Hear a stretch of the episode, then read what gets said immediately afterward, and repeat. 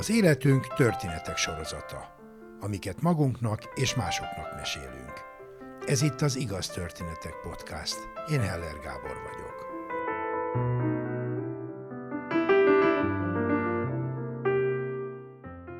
Szerencsés az, aki utólag nevetni tud élete nehéz helyzetein. A mai epizódban két hivatásos nevettető, Lakatos László és Litkai Gergely történetét halljuk, melyeket a Duma Színházban élő közönség előtt mondtak el. Először Lakatos László mesél arról, hogy akármilyen kényelmes is volt az élete édesanyja gondoskodásában, azért 29 éves korában már eljött az ideje annak, hogy kiköltözzön a Mama Hotelből. Ha ez ilyen egyszerű lenne. Hát 29 éves vagyok, és már 29 éve itt a 8. kerületben élek. A József város kivetett magából. Hogy a nagy változatosság nem történt az életemben, mert amióta megszületett, a Práter utcában lakok, ugyanabban a házban. De ennek van jó oldala is, szóval csukott szemmel feltalálok az első emeletre. Akkor szerencsé, hogy nem a harmadikon vagy a negyediken lakunk, mert hát nincsen lift. Ők szerintem ez egy a családomat is költözésre késztette volna, mert nem vagyunk annyira fittek, úgyhogy Ennyire apukám is állhatna itt, vagy, vagy anyukám. Nagyon szeretem őket, hát mama hotelben vendégeskedek. Mondjuk Andi, anyukám. Én így hívom édesanyámat, hogy Andi, sokan meglepődnek ez, hogy miért hívod úgy, hogy anyukádat, hogy Andi. Mert mondom, így hívják. Meg én egyébként ezt szoktam meg, szóval nem tudom, hogy gyerekkorom óta, vagy legalábbis amióta az eszemet tudom, én andizom őt, és Andi tényleg így nagyon-nagyon gondoskodik rólunk, hogy ad enni, nekem ő csinál mindent. Ad enni, a ruhámat segít kiválasztani, a vizet megengedi. Denis mindig ezen szokott szórakozni, hogy anyád engedi a fürdővizet. Még ez sem, de magam bolond. De Andi nem csak nekem csinál meg így mindent, hanem édesapámnak, öcsémnek is, és én ebben nőttem fel, hogy a nőnek az a dolga, hogy akkor így a háztartásról gondoskodjon, meg így minket valahogy tartson életben. Kicsit olyan, mint hogy 120 kilós 130 kilós óriás csecsemő lennék. Egyébként így, így kényelmi szempontból nagyon jó így a Mama Hotel, meg én azt szoktam kérdezni, mert a Denis mindig így szívja a véremet, hogy lassan 30 éves, hogyha miért nem költözöm már el otthonról. De én ezt úgy látom, hogy, hogy amíg a gyerek 18 éves nem lesz, addig a szüleivel él. De amint betölti a 18-at, a szülei élnek vele. Költözzenek el. Egyébként tényleg így kényelmi szempontból nagyon-nagyon jó ez a Mama Hotel, de hát az éremnek is két oldala van, szóval van itt ennek azért ár oldala is. Anninak van egy nagyon-nagyon rossz szokása, hallgatózik. De korokul tagadja, hogy bármikor megcsörel a telefonom, hogy de nincsen privát, intim szférének, tényleg nincsenek. Bármikor megcsörel a telefonom, Andi azonnal szalad a konyhába és csinál valamit. Vagy szendvicset, vagy elkezd mosogatni, azt mondja, hogy ő arról nem tehet, hogy az én szobám az a konyhával szemben van, és akkor... De tényleg, hogy korokul tagadja, hogy ő biztos, hogy nem hallgatózik. A legdurvább az volt, amikor kommentált az én telefonbeszél. Mondj, mondj igen rá, mondj igen. Andi, jó, hogy hagyja, nem csinálom tovább. És akkor korokul tagadja. Tehát azért egyébként van ilyen még több jó oldala is, és akkor például ez az, amiért én úgy gondoltam, hogy ideje lenne egy kicsit így eltávolodni az otthontól, a fészektől, kismadár, nagy sas kirepül, meg aztán most jött így ez a Covid hullám. És nem tudom, én azonnal így számot vetettem az eddigi életemről, és belegondoltam abba, hogy ha ne adj Isten, velem történne valami, akkor tényleg úgy éltem le egy életet, hogy 29 éves koromig én még nem éltem egyedül, nem jöttem el anyámtól. Aztán gondoltam, hogy milyen jó lenne tényleg így valahol egy lakást szerezni, vagy tényleg így elmenni így apáméktól. Mondjuk ebben édesapám engem nem támogatott, mert hát mi nagyon családcentrikusak vagyunk, hogy tényleg a család az első, a legfontosabb is össze kell tartani. Ez a mottónk. Vagyis apám mottója, de amíg az ő kenyerét teszem, addig nekem is ez a motto. Mondjuk apukám már nagyon-nagyon túltolja ezt, hogy együtt kell lenni, mert családi szeretet. Most azt vette a fejébe, hogy mondom, itt lakunk a Duma Színháznak a másik oldalon, a Práter utcán, hogy eladja a lakást, vesz egy kertes házat, és akkor oda a tetején kaphatok egy felső szintet. Hát mondom, Fater, akkor nem nagyon értetted meg, hogy én mire vágyok, hogy egy kicsit távolabb legyet tőletek. Szóval jó, jó, akkor nézek egy olyan házat, ami van ilyen ikerház, és akkor kapsz egy kis házat. Milyen jó lenne, hogy karnyújtásnyira lennék tőletek. És el az volt a válasz, figyelj, beszéltem nagyanyáddal, azt mondta, ő is oda költözik. Ha neki jó, akkor neked miért? Most milyen jó lenne tényleg nagymamám, apukám, anyukám, meg akkor én ott a kis házba. És hogy így, így édesapám tudta nélkül gondoltam arra, hogy milyen jó lenne egy lakást szerezni. Volt egy ilyen minimális megtakarításom, és úgy voltam vele, hogy inkább én ezt befektetem, mert hát én nem nagyon tudom beosztani a pénzt, mert szeretek költeni, meg enni, meg bánat, meg stresszevő vagyok, és akkor volt biztos, hogy, hogy jobb hely lesz, hanem akkor belevágok, tehát persze kellett hitel is. Elkezdtem így nézegetni, hogy, hogy megvolt az így az elképzelés, amit én nagyon-nagyon szeretnék, hogy biztos, hogy a nyolcadik kerületbe szeretnék maradni, mert átmegyek a kilenc, ott már szédülök, hogy hol az Istenbe vagyok. Nyolcadik kerület legyen, tehát megfizethető áron, és így maximum ilyen 7-800 méter távolságra Anditól, mert bármi van, akkor gyalog át tud jönni. Nem tudom rendesen megengedni a vizet, neki ott van csuklóban a mozdulat. És ezzel kinéztem péntek este, ott elkezdtem nézni ezt a jó fogást, nem tudom, be lehetem mondani, már tök mindegy, mert mondtam. Mert ott azért vannak, hogy magánszemélyek rakják fel az ingatlant, és akkor ott jobban lehet alkudozni. Mert így a Covid, meg, meg ezek miatt így megszorultak az emberek, és akkor készen álltam, hogy mondom, kinéztem egy kis lakást, 21 és fél millióért, mondom, ezt a 19 év bátyja akkor elhozza, így, ha tetszik az embernek, hanem. És kinéztem, szóval nem úgy, hogy erőszakkal, hanem hogy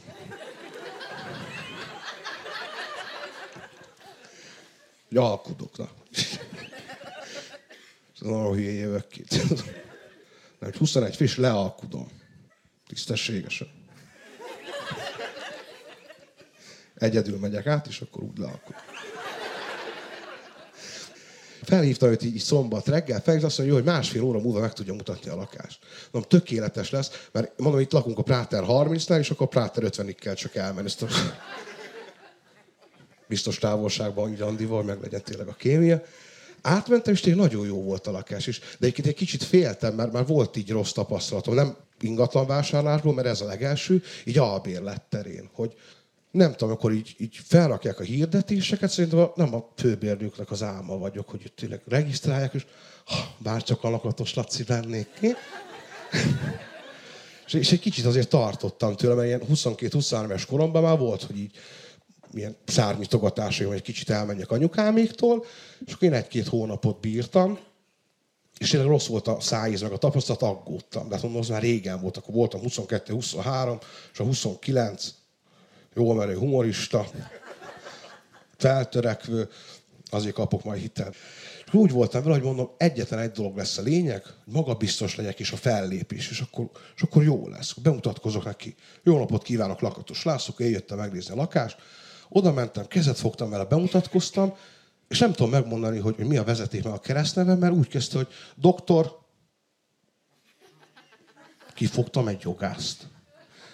Azon az a bátorság, hogy nagy nehezen egy összegyűrtem magam, azonnal eltűnt. Mondom, csávónak akarom én magam megjátszani, amikor doktor. És ott körbevezetett engem mind a 35 négyzetméterrel, szerintem egy-két embernek ez jó lehet, meg nekem így halak a horoszkópom, mert így a lakás az így felújításra szorult. A halak az meg ilyen nagy álmodozó. Úgyhogy én fejben azonnal láttam, hogy álmennyezet, ledvilágítás, középen jacuzzi, négy nővel így jacuzzizok, Andi engedi a vizet. De meg, meg egyébként, hogyha elkezdtek lefelé menni a Práter utcába, ott vannak ilyen nagyon nagy épületek, és a 15 emeletesben volt. Kinéztem, a panoráma tényleg gyönyörű volt, hogy amióta az eszemet tudom, a 8. kerületben élek. Kinéztem ott az ablakon, és láttam a Gellért hegyet. Mindig bátya budai lesz, vagy... És tényleg nagyon jó volt, mert hát itt a nyolcban itt már mindenkit ismerek, én a boltost, a csöveseket, meg minden olyan, mint egy kis közösség lennénk, mert az is vagyunk. És mondom, 15-re nem is hallom fel, hogy a csövesek reggel kiabálnak. Hát. És mondom, mondom, tökéletes volt. Mondom, jó, akkor ezt szeretném, és akkor jött ez az alkudozós rész. Akkor mondta ott a jogász úr, a tulajdonos, hogy akkor az 21 fél. 19. Ő mondott rá egy nagy nemet, és akkor én 19 félnél találkoztunk, és akkor azonnal elém rakta a papírokat, hogy akkor tessék lehet aláírni. Hoppá, csávó, készült rendesen azonnal iramba szállt a bátorság, mondom, akkor ezeket viszont édesapám intézi, mert ő az illetékes. És azonnal mentem haza, apukám akkor ott kávézott, akkor ébredt fel. Mondom, Fater, hagyd a kávét, mert most mindjárt felmegy a vérnyomásod. Úgy néz ki, hogy sikerült vennem egy lakást. Mit csináltál? Mondom, itt a nyolcba, hát pont úgy, hogy szeretted volna, legyünk közel egymáshoz. Azt még nem mondtam neki, hogy az ő nevére fog kerülni a lakás, és a hitelt is neki kell intézni. De meglepődtem, mert a pater örültek, és azt mondta, jó, hagyd szóljon, csináljuk. Átjött az ügyvéd úr, lepapírozták, aztán meg elkezdtem hívni így a bankos ismerős, hogy milyen ügyes voltam, sikerült két millió forintot alkudnom, első lakás, a kis félretett pénzem odaadtam így előleg gyaránt, és akkor nagyon boldog voltam, aztán mondta, hogy lehet, hogy nem voltam annyira ügyes meg okos. Miért is? És így jött a fekete les, hogyha az ember hitelt vesz fel, akkor az a, majdnem bemondtam a banknevét is, akkor fel kell becsülni az ingatlan. És hogyha nem ér annyit, amennyit kell, akkor a, a, a, a kaukciót is bukhatom, ezt az előleget, sőt, hogyha megbontom a szerződést, akkor dupláját kell kifizetnem. Hát nekem meg már nem nagyon volt így félretett pénzem, úgyhogy elkezdtem imádkozni, és apukám egyébként ilyen nagyon negatív ember, szóval én, én csodálkoztam rajta, hogy hogy, hogy örült a lakásnak. Mert de apukám nem azt, hogy így, így felkészül a rosszra, az öreg bevonza. Hogy... Nem menj el, mert összetöröd magad. Össze is törtem magam. És akkor meghallotta ezt apám, hogy ha nem ér annyit a lakás, akkor, akkor buktam az egészet. Az nem ér annyit. Látatlanba, azonnal lesírta. Ügyes voltál, jó? Andi, rakjál be egy pesgőt. Amikor fizeti a dupla kaukciót, mert akkor megbontom. És Fater hogy azonnal így előjött, és nagyon-nagyon izgult, hogy tényleg így rám jött a par, hogy mondom, úristen, lehet, hogy ekkora hülyeséget csináltam. Aztán pedig eltelt pár nap, és jött így az élet hitel ura, az ingatlan értékbecslő, egy hölgyet küldtek ki. És én próbáltam rá nagyon jó benyomást kelteni, próbáltam rá kedveskedni, de ez vagy pókeros, vagy bírónő, semmit nem láttam az arcán, így meg, uh-huh, uh-huh. és próbáltam őt dicsérni, de nem reagált rá.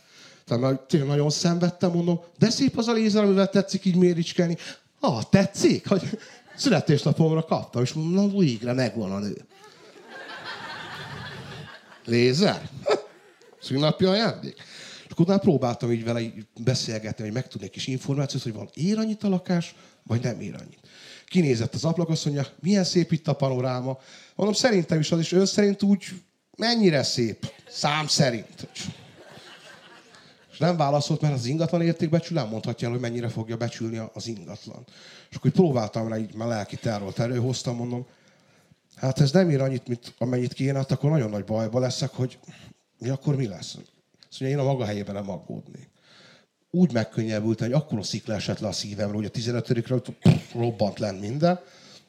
Hazamentem, és akkor vártam. Jött egy-két hét, és megjött az eredmény, az ingatlan megfelelő. Úgyhogy megkaptuk a hitelt, ezt a minimális felújítást megcsináltuk rajta, úgyhogy tényleg most elmondhatom, hogy megvan az első ingatlanom, ott van fent a Práter 50-ben, és azóta meg hát minden nap nyugodtan kelek, ébredek, ugyanúgy Andiéknál, mert hát elköltözni nem fogok.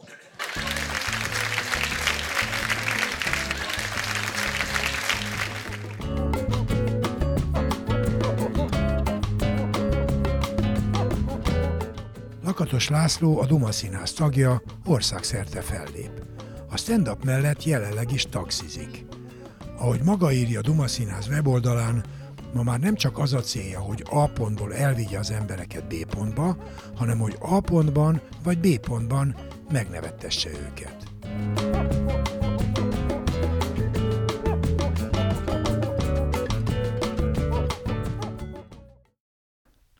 Ahogy az a következő történetből kiderül, Litkai Gergely egész életében baráti kapcsolatot ápolt az orosz nyelvvel és kultúrával.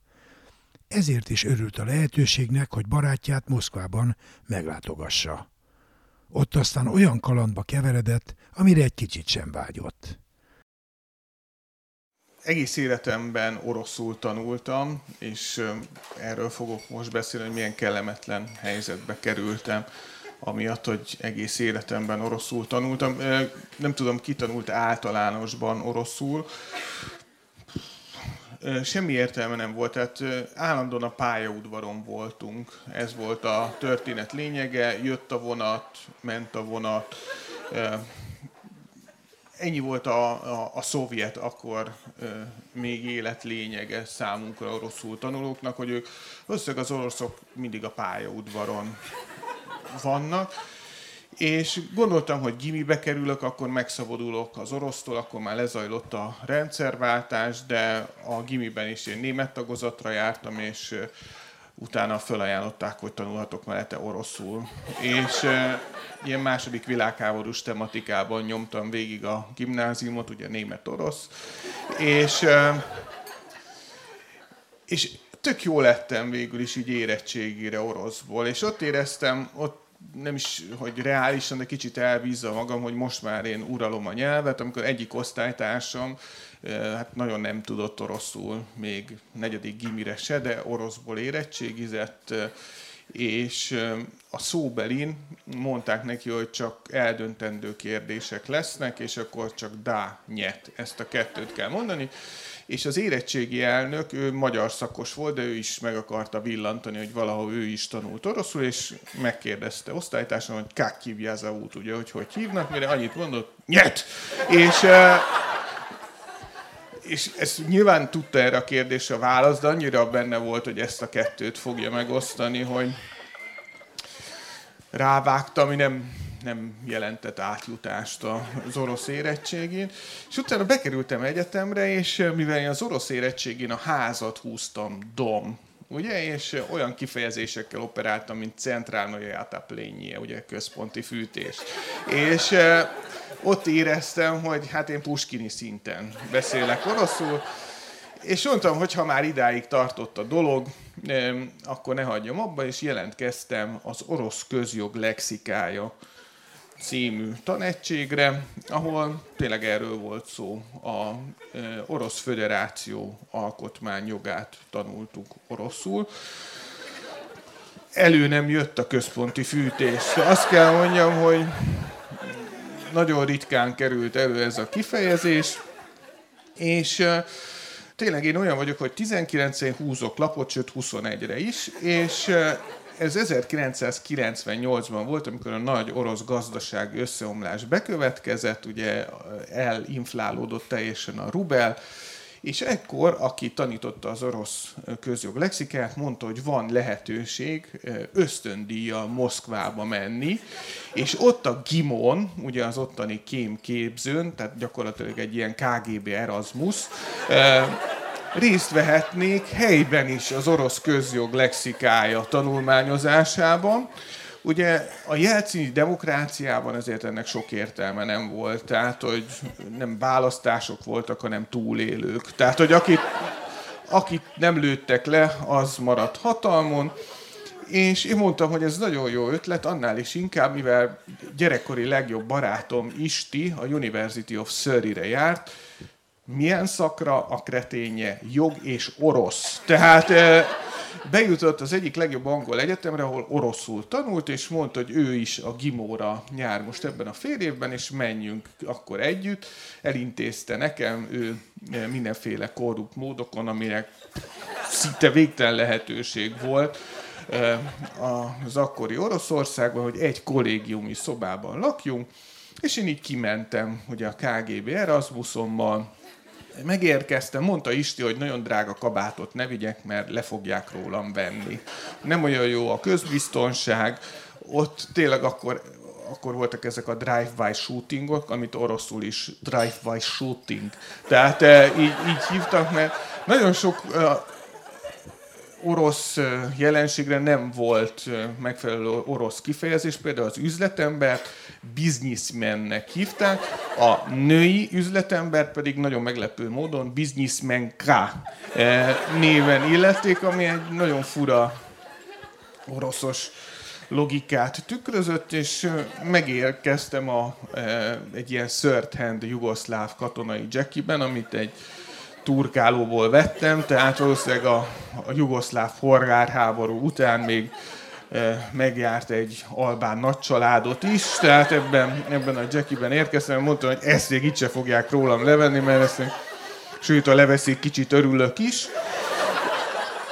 És e, Isti várt a Seremetyevói reptéren, aki volt a Seremetyevói reptéren, abból megérti, hogy ez az az ország, ahol nem biztos, hogy jönnie kellett volna 1998-ban, amikor én megérkeztem, nem voltak turisták, tehát nem ment oda senki, de ha jött valaki, akkor hát a taxisok azok megőrültek. És annyi volt, hogy mikor megérkeztem, három taxis verekedett össze azért, hogy elvigyenek-e engem a jugoszláv katonai kabátomban és utána Isti mondta, hogy vonattal megyünk. Tehát lehetett látni a taxisok arcán, hogy itt vér fog folyni, hogyha még sokáig itt maradunk, és Isti nagyon karakán ennek a történet későbbi részében nagyon fontos szerepe lesz. Megérkeztünk a kollégiumba, Isti körbevezete, és semmiről nem volt szó az általános iskolai, sőt a középiskolai orosz tanulás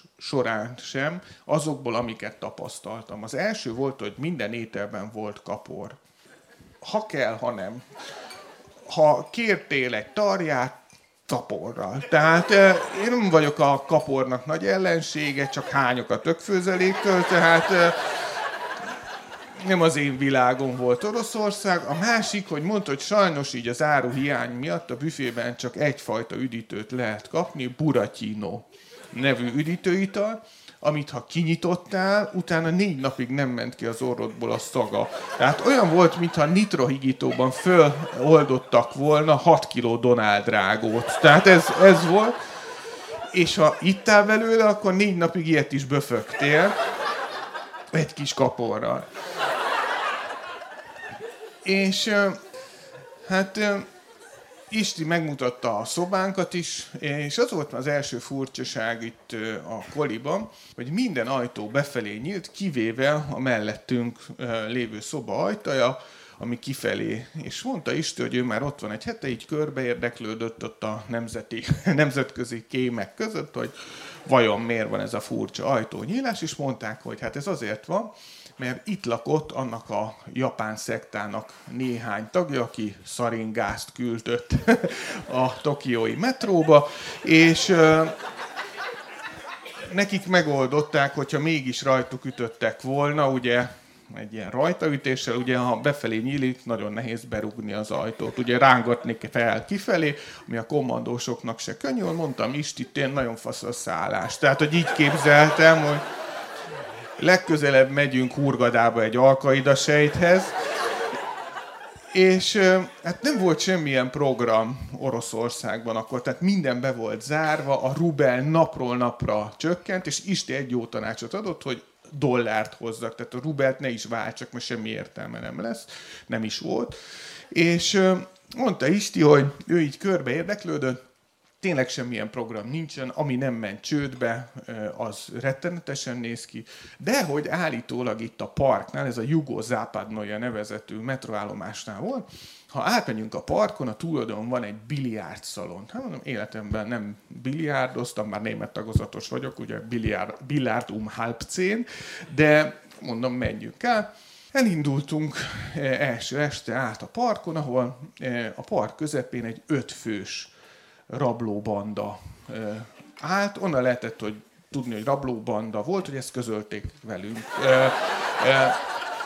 És volt, lehetett látni, hogy ők egy, egy, nem egy összeszokott csapat voltak, akik évek óta rablóban, hanem így a válságnak az áldozatai. Szerintem négyen segédmunkások voltak még előző nap, csak gondolták, hogy egy gyors pályamódosítással rablóbanda lesznek és annan is lehetett érezni, hogy ők ez valószínűleg az építőiparból érkeztek, hogy egy embernél volt kés, és a másik négy nézte, ahogy van nála kés. És azzal fenyegetőzik, hogy adjuk oda a pénzt. A másik érdekesség e, ebben az volt, hogy ahogy föl voltak öltözve, tehát, hogy egyiken volt egy ilyen bőrkabát, ez a jubőr, ilyen kis uh, jú szőr nyakkal, a másik négy megfázott.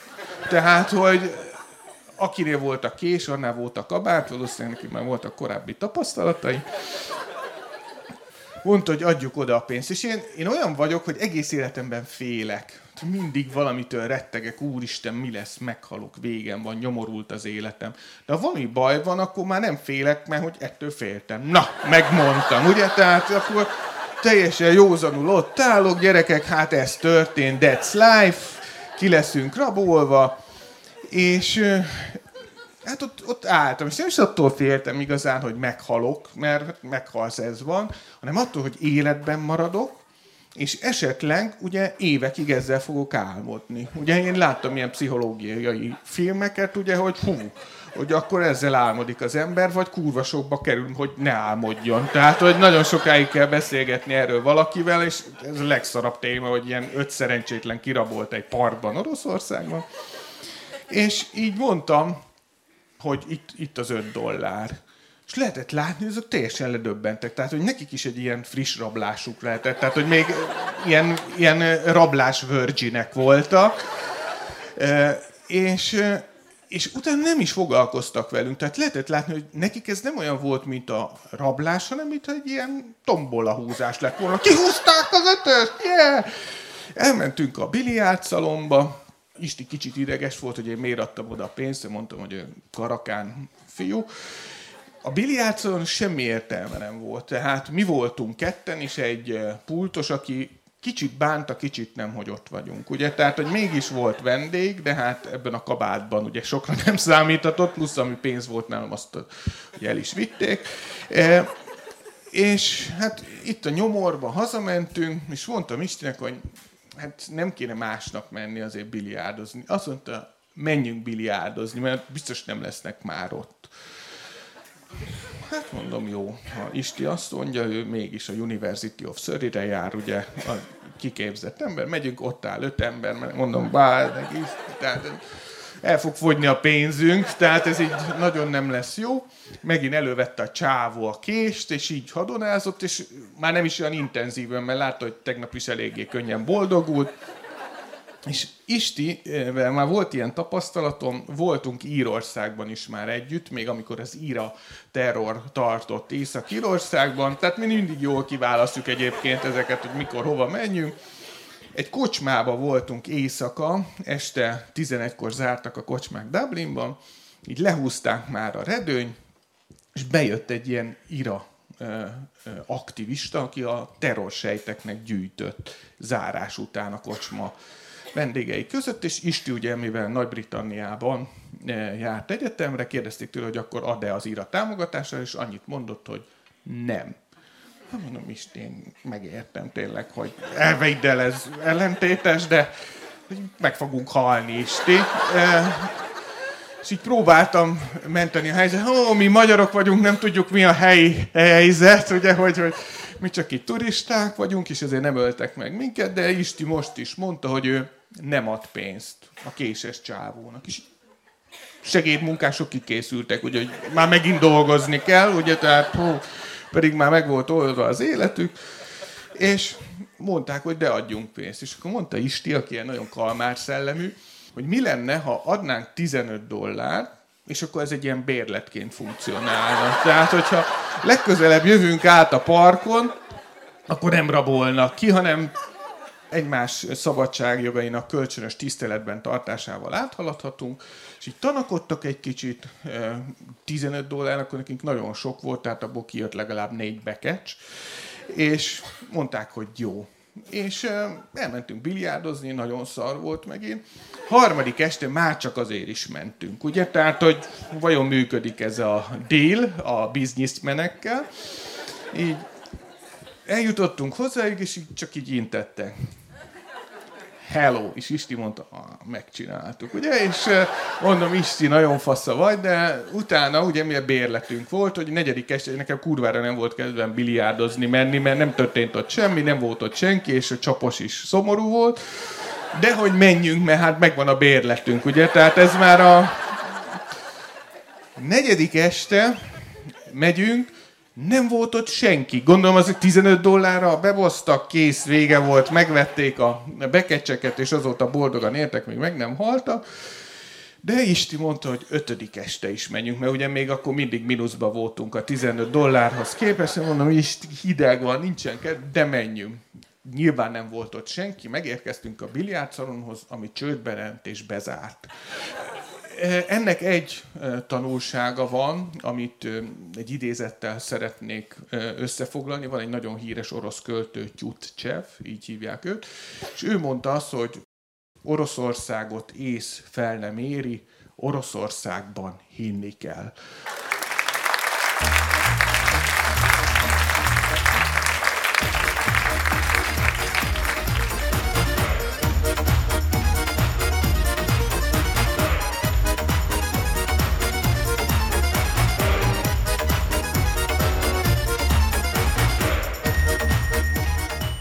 Litkai Gergely saját bevallása szerint humorista, újságíró, ötletember, jogász. Gergő a Duma Színház társalapítója és művészeti vezetője. A magyar stand-up comedy egyik megteremtője.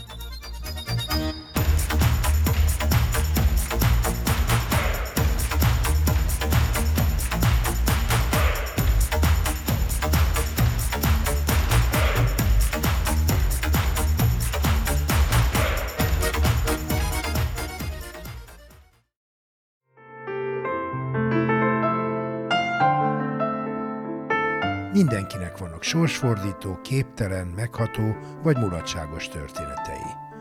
Nem vagy se túl fiatal, se túl öreg ahhoz, hogy te is mesélj egy történetet. Írd le egy oldalon, vagy vedd fel a mobilodon két percben, és küld el az igaz történetek kukac podcaster.hu e-mail címre. Várjuk! Kövess bennünket a Facebookon. Igaz történetek egybeírva és ha tetszik, oszd meg barátaiddal. Biztos ők is szeretni fogják. Ha nem szeretnél elszalasztani egy epizódot sem, iratkozz fel az Igaz Történetek podcastra kedvenc lejátszódban.